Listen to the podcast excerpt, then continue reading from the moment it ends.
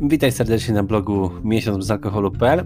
Z tej strony Marcin i dzisiaj Ci powiem o różnicy między alkoholu a marihuanie. Czy alkohol jest lepszy od zioła, czy na odwrót? To debata, która trwa od dziesięcioleci. Ogólnie rzecz biorąc, marihuana wiąże się z mniejszym ryzykiem niż alkohol, ale należy wziąć pod uwagę wiele czynników. Poza tym są to unikalne substancje, które dają różne efekty, co utrudnia porównanie jeden do jednego.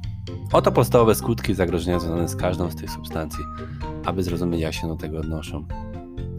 O czym należy pamiętać? Zanim zaczniesz porównywać alkohol i trawkę, ważne jest, aby zrozumieć niektóre czynniki, które utrudniają porównanie. Pierwsze, brak badań. Wiemy znacznie więcej o alkoholu niż o marihuanie. Jasne, badania na temat zioła rozwijają się, ale ciągle to jest kropla w porównaniu do alkoholu.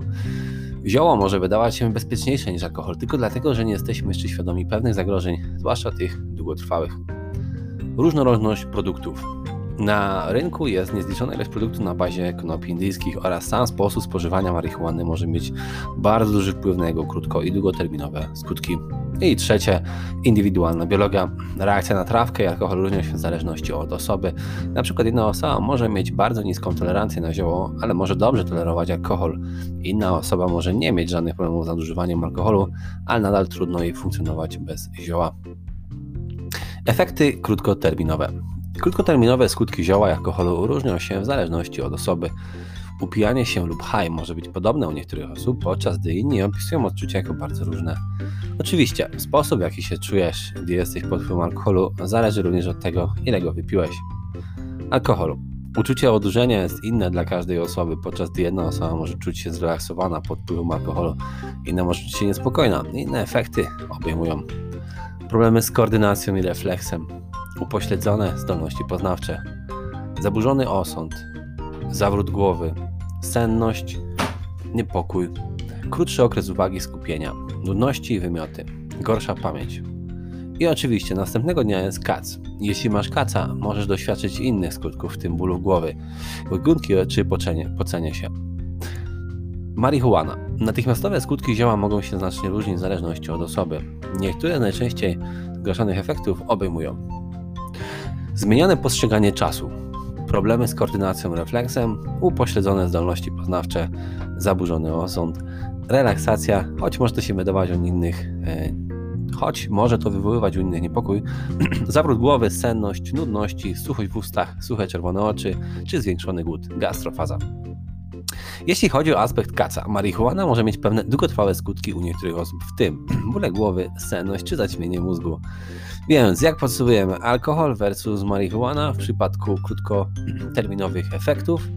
Chociaż odurzenie trawką jest inne niż alkohol, oba mają mniej więcej taki sam wpływ na zdolności poznawcze, refleks i ocenę.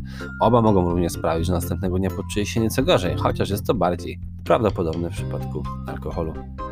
Długoterminowe zagrożenie dla zdrowia. Podobnie jak w przypadku krótkoterminowych skutków alkoholu i trawki, skutki długoterminowe różnią się w zależności od osoby.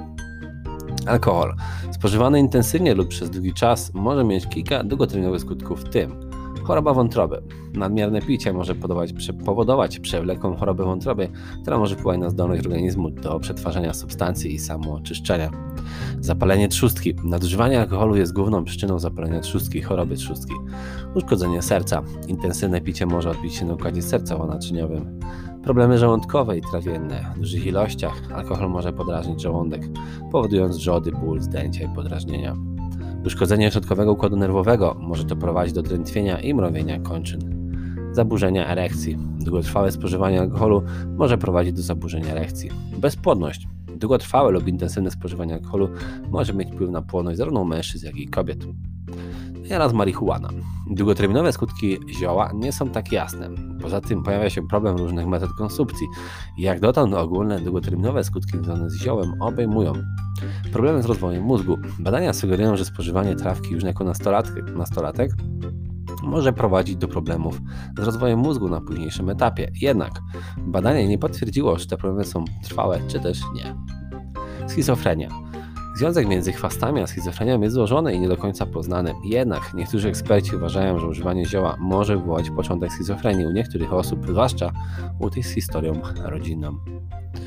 Ponowne ponownie. Efekty te nie obejmują tych związanych z metodami konsumpcji. Należy również pamiętać, że nie ma wielu e, wysokiej jakości długoterminowych badań dotyczących skutków nadużywania marihuany.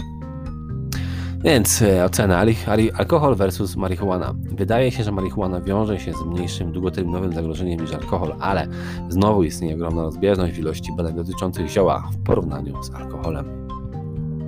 I ostatni punkt, możliwość nadużycia. Zarówno alkohol, jak i trawka mają potencjał uzależniający. Możliwe jest rozwinięcie emocjonalnego i lub fizycznego uzależnienia od obu substancji. No jak to wygląda w przypadku alkoholu i marihuany? Alkohol. Zaburzenia związane z używaniem alkoholu to stosunkowo częsty problem. Oznaki nadużywania alkoholu mogą obejmować niezdolność do ograniczenia spożycia alkoholu, konieczność zmiany harmonogramu z powodu picia i kaca, radzenie sobie z silnym apetytem na alkohol, objawy odstawienia, gdy nie pijesz, tyl, nudności, pocenie się naczynienie i bóle głowy, Podań, po, popadanie w kłopoty w pracy lub szkole z powodu spożywania alkoholu, kłótnie z bliskimi w związku ze spożywaniem alkoholu, no i marihuana. Istnieje powszechne błędne przekonanie, że zioło nie uzależnia, jednak badania z 2015 roku uzależnienia od marihuany jest zaskakująco powszechne. Dane sugerują, że 30% osób używających marihuany może mieć pewien stopień zaburzenia związane z używaniem właśnie zioła. I ocena ostateczna, alkohol versus marihuana w przypadku możliwości nadużycia. Zarówno zioła, jak i alkohol mogą nieść ze sobą ryzyko nadużywania i uzależnienia, ale wydaje się, że jest to bardziej powszechne w przypadku alkoholu. Podsumowując, nie ma łatwej odpowiedzi na debatę o marihuanie i alkoholu. Z pozoru marihuana wydaje się być bezpieczniejsza, ale po prostu nie ma wystarczających dowodów, aby wyłonić e, zwycięzcę. Reakcje ludzi na każdą substancję mogą też się znacznie różnić, więc to, co wydaje się bezpieczniejsze dla jednej osoby, może nie działać dla kogoś innego. Z tą opinią i z tymi informacjami zostawiam Cię i zapraszam Cię serdecznie do kolejnego nagrania, które będzie już najbliższy czwartek. Trzymaj się gorąco, pozdrowienia, cześć!